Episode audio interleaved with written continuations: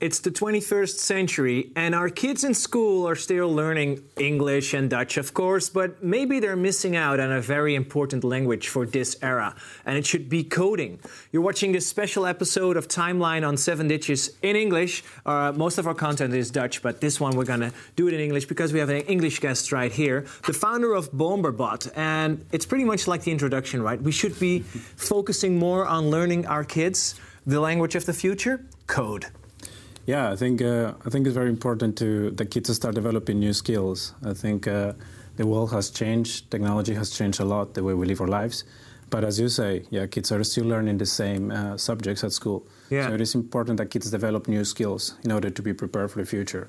Coding is one of those skills, but yeah, 21st century skills is very broad and it's like a way of thinking for yeah. kids to be yeah prepared for the future. And uh, what's your background? Because you're you're the founder of Bomberbot. Just through some images here together. Yeah, and uh, the, the, subtitle was Bomberbot, you guys want to make programming uh, world, worldwide part of education. Uh, but, but what's your background yourself? Are you, are you one of those nerds programming since you were little? I, I uh, so my background, I got my first computer, I think, when I was seven or something, and I fell in love with technology. At that point, I was, I was very curious about technology and computers and breaking down the computer.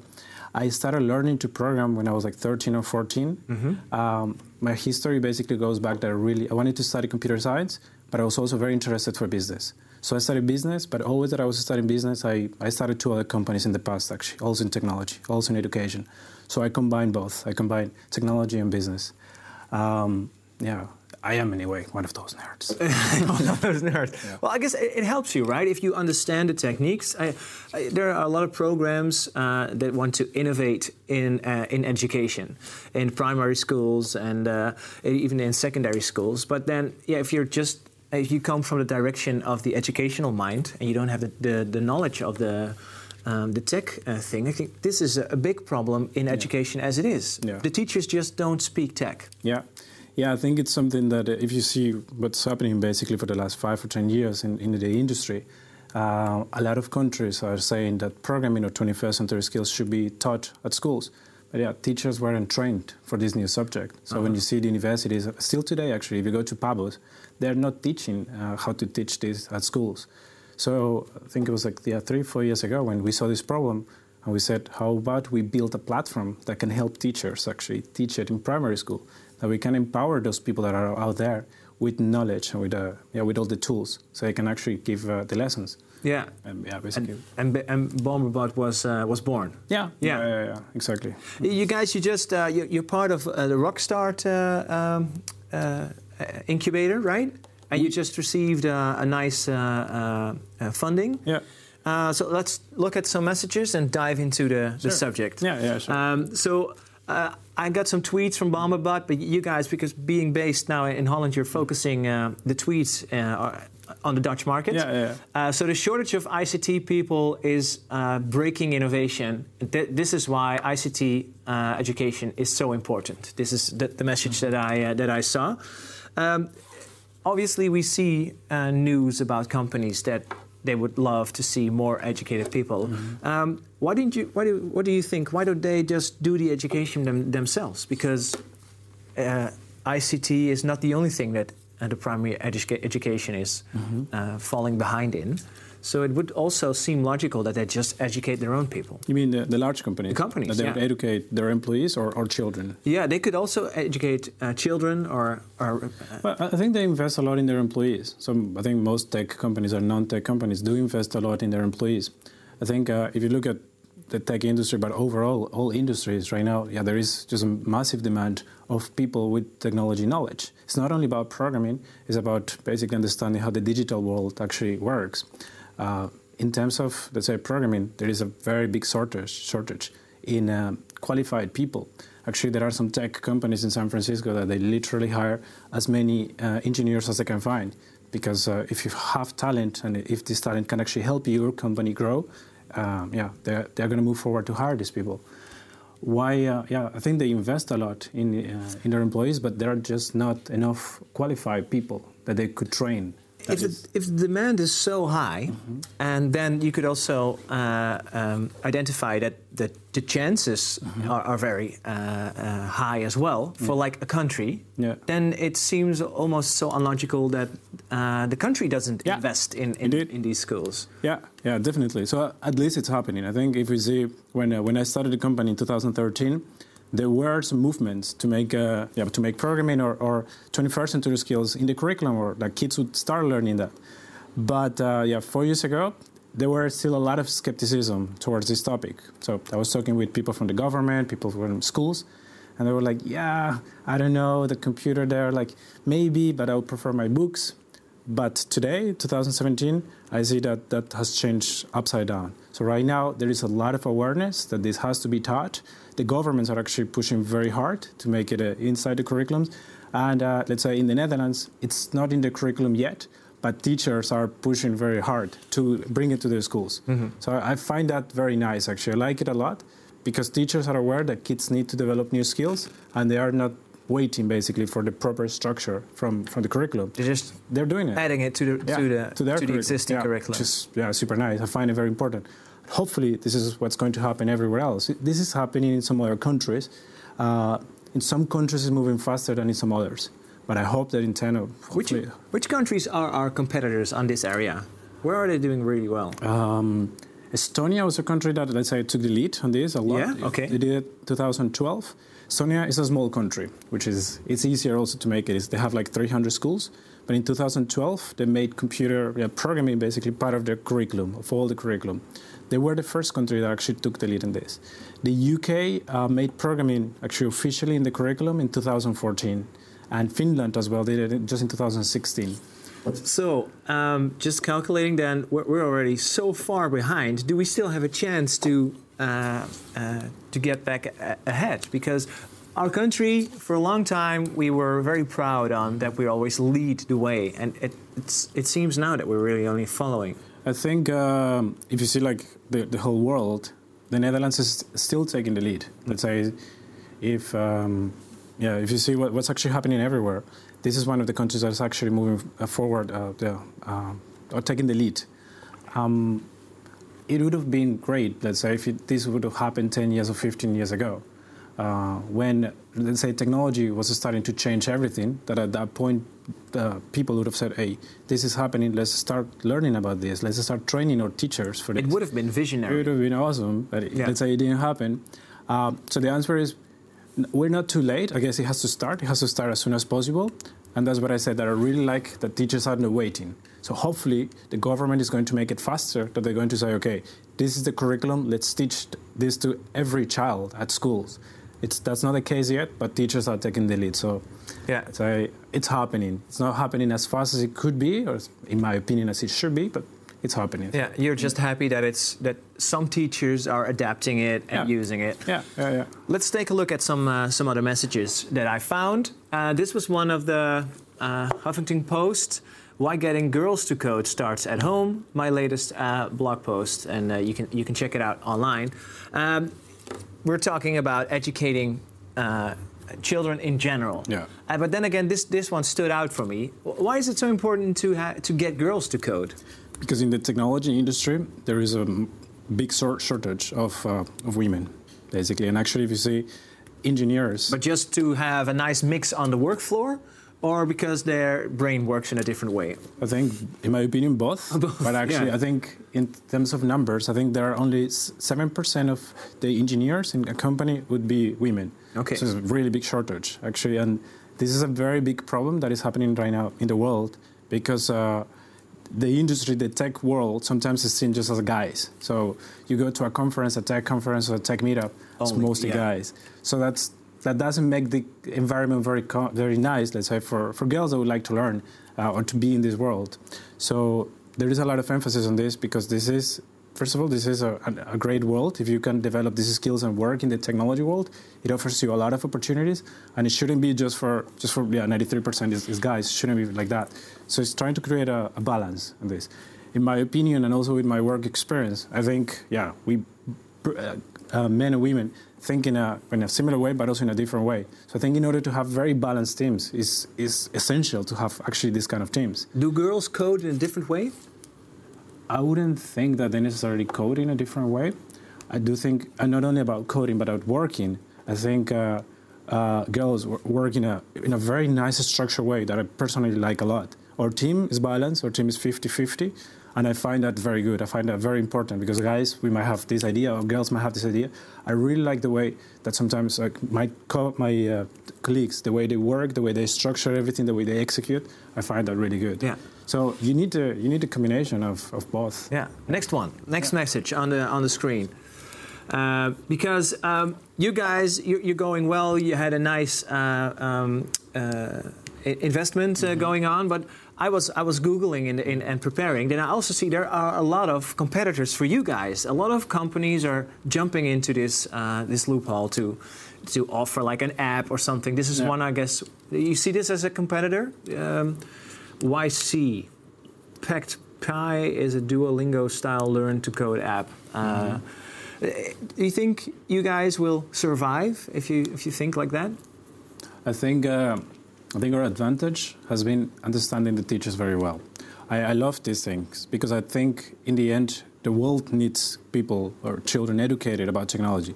So I hope uh, we're working very hard to become the other number one in Europe and in, in the world, basically. Mm-hmm. Um, I hope we make it, but in the end, the society needs people educated in technology. So I love these kind of things. I love this because these different companies are targeting different markets and in the end educating different kids right now or kids that are in different places.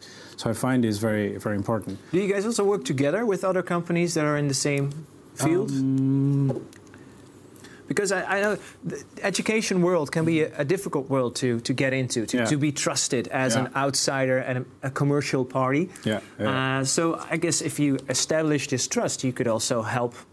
Definitely. Uh, so in the Netherlands, and we operate in the Netherlands and Finland, mm-hmm. and in both countries we cooperate with other companies. So okay. here we cooperate, yeah, with educational distributors. We have uh, in Finland we cooperate with an educational publisher. We, yeah, with a lot of educational companies that are at schools. So yeah. Yeah. Do you, do you feel it's it's a rush of a lot of companies to focus on this market, on on tech, on uh, on, on education, and to to combine those two? Mm, I think nowadays, if as in now 2017, there are a few companies that are strong already, and that's what I said. We have focused a lot on the teachers. That's where we have basically teachers have a very good experience teaching 21st century skills with Bomberbot because we have understood very well how to help them basically. It's not just having some lessons, it's actually the whole experience throughout the platform mm-hmm. and giving them a very good customer support for them to teach. What was that? So, was that a hard thing? Because uh, I thought I also know that uh, situation is that a lot of the teachers that are teaching now, or the teachers that work at the Pabos, mm-hmm. where we're teaching teachers to yeah. become teachers, yeah, yeah. they're all educated in the 19th century. Yeah, yeah, yeah. Um, it took a lot of time, let's say, to really understand how how the best way is. Uh, but we are a company by our culture. We really like to be next to our customers and just be listening to them. And if they, they say, okay, this is too hard, or I'm needing some help here, we say, okay, let's build something to make this easier. And right now, our product is in the two countries where we operate. Yeah, teachers who don't know anything about programming, they rate it super high, and they recommend it to other teachers. So yes, it's been hard. I, I say, I, th- I, believe we need to keep working. I don't think we should just stop now and say, okay, the product is very good now, let's stop. I think we need to keep listening to the market, I keep listening to our users, I keep seeing what we have to improve in order to make their experience yeah, even better. And um, so that product wise, but like say the the whole market, we need to see what's happening. As, as I said, Pabos, they are not teaching this yet, so we need to talk to them, and we need to see uh, how we can work with them with the Pabos in order to for these students to start learning how to teach this. Yeah. Uh, it's a whole, it's a chain basically that involves a lot of parties, and all of these parties need to be connected in order to actually make it. Uh, hopefully, five years, it's all there. It's yeah. all that everything. All the kids are learning this. And I guess for so. you guys, it's also challenging because you have to talk and listen and work with the, the educators, the, the, the teachers, and, and the school systems. Yeah. Uh, but also you have the end users. If we look at at the children, yeah, how do they react to? Well, actually, a lot of kids say that they, their favorite class during the schools is Bomberbot. So that's something really nice. When we get those emails that teachers made a picture or something and they text us like, hey, kids really like it, that kids are asking when the next class of Bomberbot is going to be, that's really nice. That's basically why we're doing this. You know, when, uh, when I started the company, I said, let's make something that makes kids see technology as something fun. You know, that they see it as something creative and that they want to learn more about this. So when we get those emails, uh, it feels very nice. And it's important. It's important that you just don't focus on one party, on one part. You have to combine them. It's, yeah. it's education, and education has to be fun for the learner. In this case, the learner are, are children. So yeah, you need to do that. Who's paying for uh, Bomberbot at the moment? Is it uh, is it schools that are going to be paying? Are you focusing on government to just sponsor you guys? Both. Okay. So schools, a lot of schools actually are paying right now, but uh, uh, in the Netherlands right now we cooperate with with Amsterdam, with the city of Amsterdam. They are sponsoring around 50% of the schools to start bringing to start with Bomberbot. And uh, in the south of, ne- of, the Netherlands, in Limburg, mm-hmm. they're also working with the, with local governments. So they are also sponsoring schools to start yeah. there. And so how you how do you want to, to develop this to a sustainable mm-hmm. uh, business model? Because eventually, sponsoring or subsidies, mm-hmm. uh, they always end. Yeah, yeah, yeah. I think the important thing about that's where we focus. If we get a sponsorship, we need to make sure that use the schools that get that sponsorship, they use the product and that they see the value. As soon as they use it, they start seeing the value. And uh, this is not something that you should only teach one hour or one year. You need to keep teaching it all the time. So the way that we focus on making this actually a, a sustainable business is that all of those sponsorships uh, are becoming actually users that are going to buy, buy, again next year and the following years. Yeah, and then you're thinking about a, like a, is it a, a prescription model? We have a subscription model already. Oh, yeah. So basically, for the schools that pay by themselves, they pay yeah basically it's a subscription per year per child. Okay. Mm-hmm. Uh, next image on screen. Here we go. The the Bomberbot Code Camp. I saw this one and I thought, wow, it would have been great if we had this when I was little. uh, how many how many children do you reach with actions like this? Because this goes uh, uh, outside of the schools, right? Yeah. Is yeah, this also a, a, a, focus market for you guys? To be honest, so something that has been happening in the past months, we get a lot of requests from parents saying if we have something for, for the kids to play outside. So a few months ago, we were with the team just discussing this, and then we said, how about we make in this summer we make a, a summer camp? Yeah. Basically, we have a lot of knowledge on how to teach coding and like say programming. Um, how about we make this? And yeah, we started building this, uh, or like with the whole concept a couple months ago. It's been very good, to be honest. It's been very, very good. It has taken uh, some good work, but yeah, the reception for parents is very high. We are going to be running 10 summer camps now all around the country and yeah, all the cities are a success. Basically, we had we're having to stop some cities now because the the participants, the number of participants is too high already. Is it also a business model? Do you earn money with this, or is it just promotional? No, no, no. Yeah, yeah. We generate revenue also through this channel. Yeah. Yeah.